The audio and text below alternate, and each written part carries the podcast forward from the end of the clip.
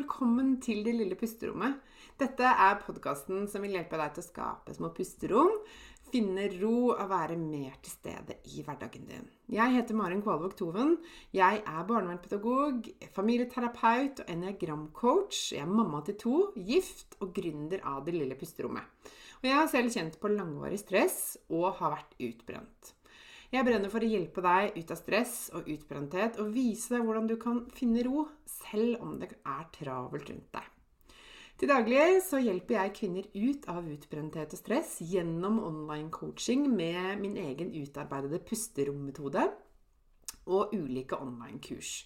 Du vil høre meg reklamere for mine tjenester i denne podkasten. Du vil også i denne podkasten få mine tips, triks og inspirasjon til hvordan du kan skape dine pusterom i hverdagen. Jeg kommer også til å dele egne erfaringer og invitere spennende gjester på besøk.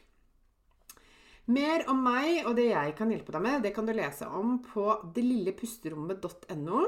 Det er veldig gøy om du deler at du hører på Det lille pusterommet i sosiale medier, og tagger meg, så jeg kan si hei til deg. Jeg heter Marin Kvalvåg Toven både på Facebook og på Instagram. Her kommer dagens episode.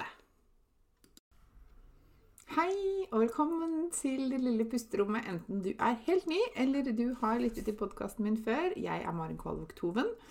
Jeg er familieterapeut, coach og jobber for å hjelpe deg som er stressa, sliten, utbrent og ønsker å finne veien videre. Så hjertelig velkommen hit.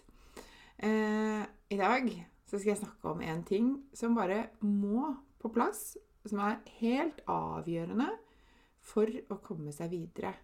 Eh, når du har møtt veggen, er utslitt og utbrent og eh, kanskje føler at du er litt stuck. Eh, velkommen. Jeg håper dette blir en nyttig episode for deg. Og jeg skal forklare litt om både hva jeg mener du må eh, må gjennom, og hvor du må komme eh, for å komme videre. Eh, hvorfor og hva. Ok? Dette bygger jeg på min egen erfaring som sykemeldt og utbrent sjøl, eh, men også erfaringen jeg har med ganske mange hundre kvinner jeg har snakket med i løpet av de siste årene som coach. det er én ting som du bare ikke kommer utenom, og det gjelder på ulike stader i prosessen. Det gjelder først med en gang når du har blitt utbrent, og det gjelder også underveis. La meg fortelle. Når du møter veggen, så sier kroppen helt stopp. Ikke sant? Du blir kanskje sykemeldt. Enten om du har liksom blitt sykemeldt med en gang den sier stopp, eller om du har karret deg sammen og holdt det gående litt til, og så du, stopper det på nytt.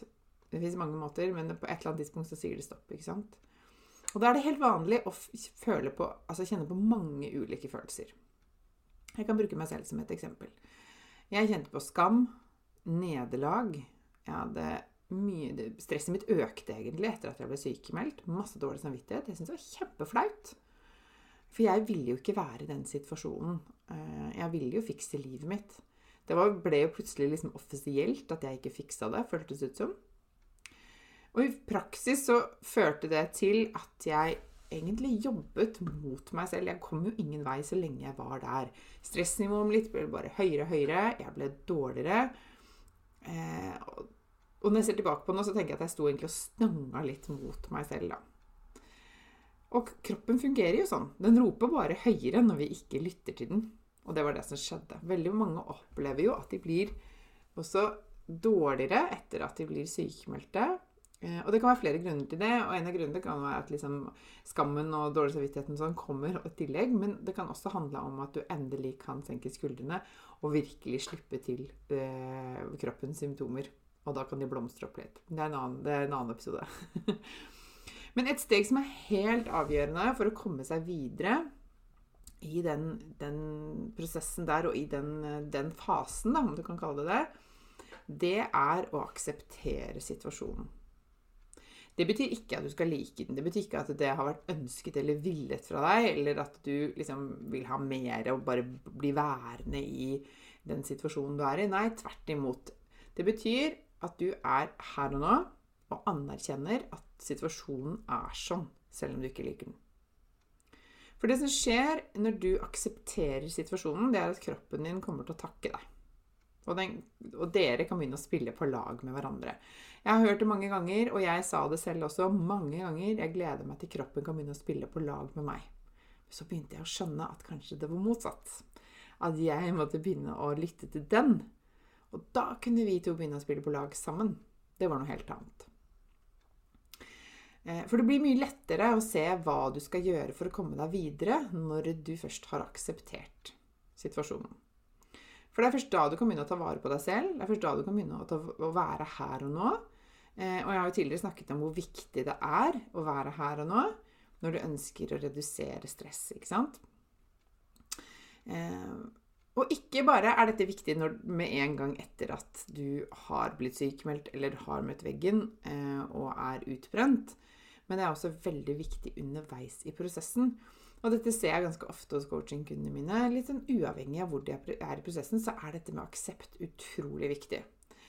Fordi at hvis du fokuserer veldig mye på hvor du burde vært, eller når skal jeg bli frisk, eller hvordan blir det den dagen jeg skal begynne å jobbe, eller et eller annet sånt, så stresser du kroppen din. Da er du ikke her og nå.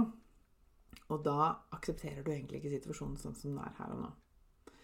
Um, og jeg hører det hele tiden. Når, hvor lang tid kommer det til å ta før jeg blir frisk? Eller hvordan skal jeg begynne å jobbe igjen? Hvordan tror du det kommer til å bli når jeg skal begynne å jobbe? Hvor mye skal jeg begynne? ikke sant?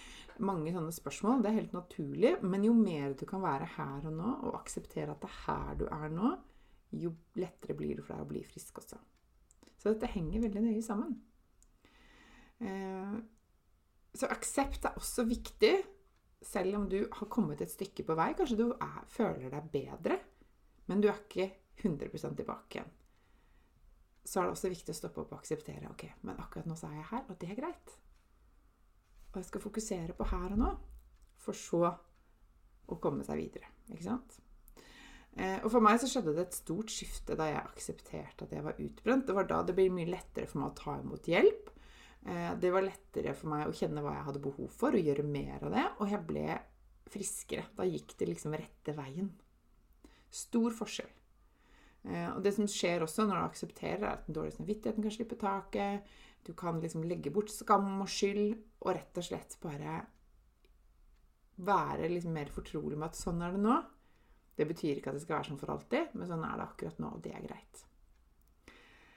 Hva tenker du når jeg deler dette? Hva er ditt forhold til aksept og akseptere situasjonen? Står du fortsatt og stanger imot liksom, eh, og, og um, maser på deg selv i å komme deg videre?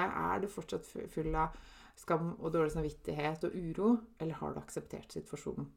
Jeg vil veldig gjerne høre hva, hva du tenker om det. Så du, husk at du kan sende meg en melding på Instagram eller på Facebook. Du finner meg på Det lille pusterommet begge steder. Eh, og hvis du sitter nå og tenker hvordan i all verden skal jeg komme meg dit? Hvordan skal jeg klare å akseptere denne situasjonen? Eh, og hvordan skal jeg komme meg ut av utbrentheten, så er du hjertelig velkommen til å bestille 30 minutters gratis coaching hos meg. Eh, du finner link til bestilling til den timen i teksten under denne episoden. Så kan jeg fortelle mer om hvordan nettopp du skal akseptere denne situasjonen som du er i, som du kanskje absolutt ikke har lyst til å være i. Det var det jeg hadde lyst til å dele med deg i dag.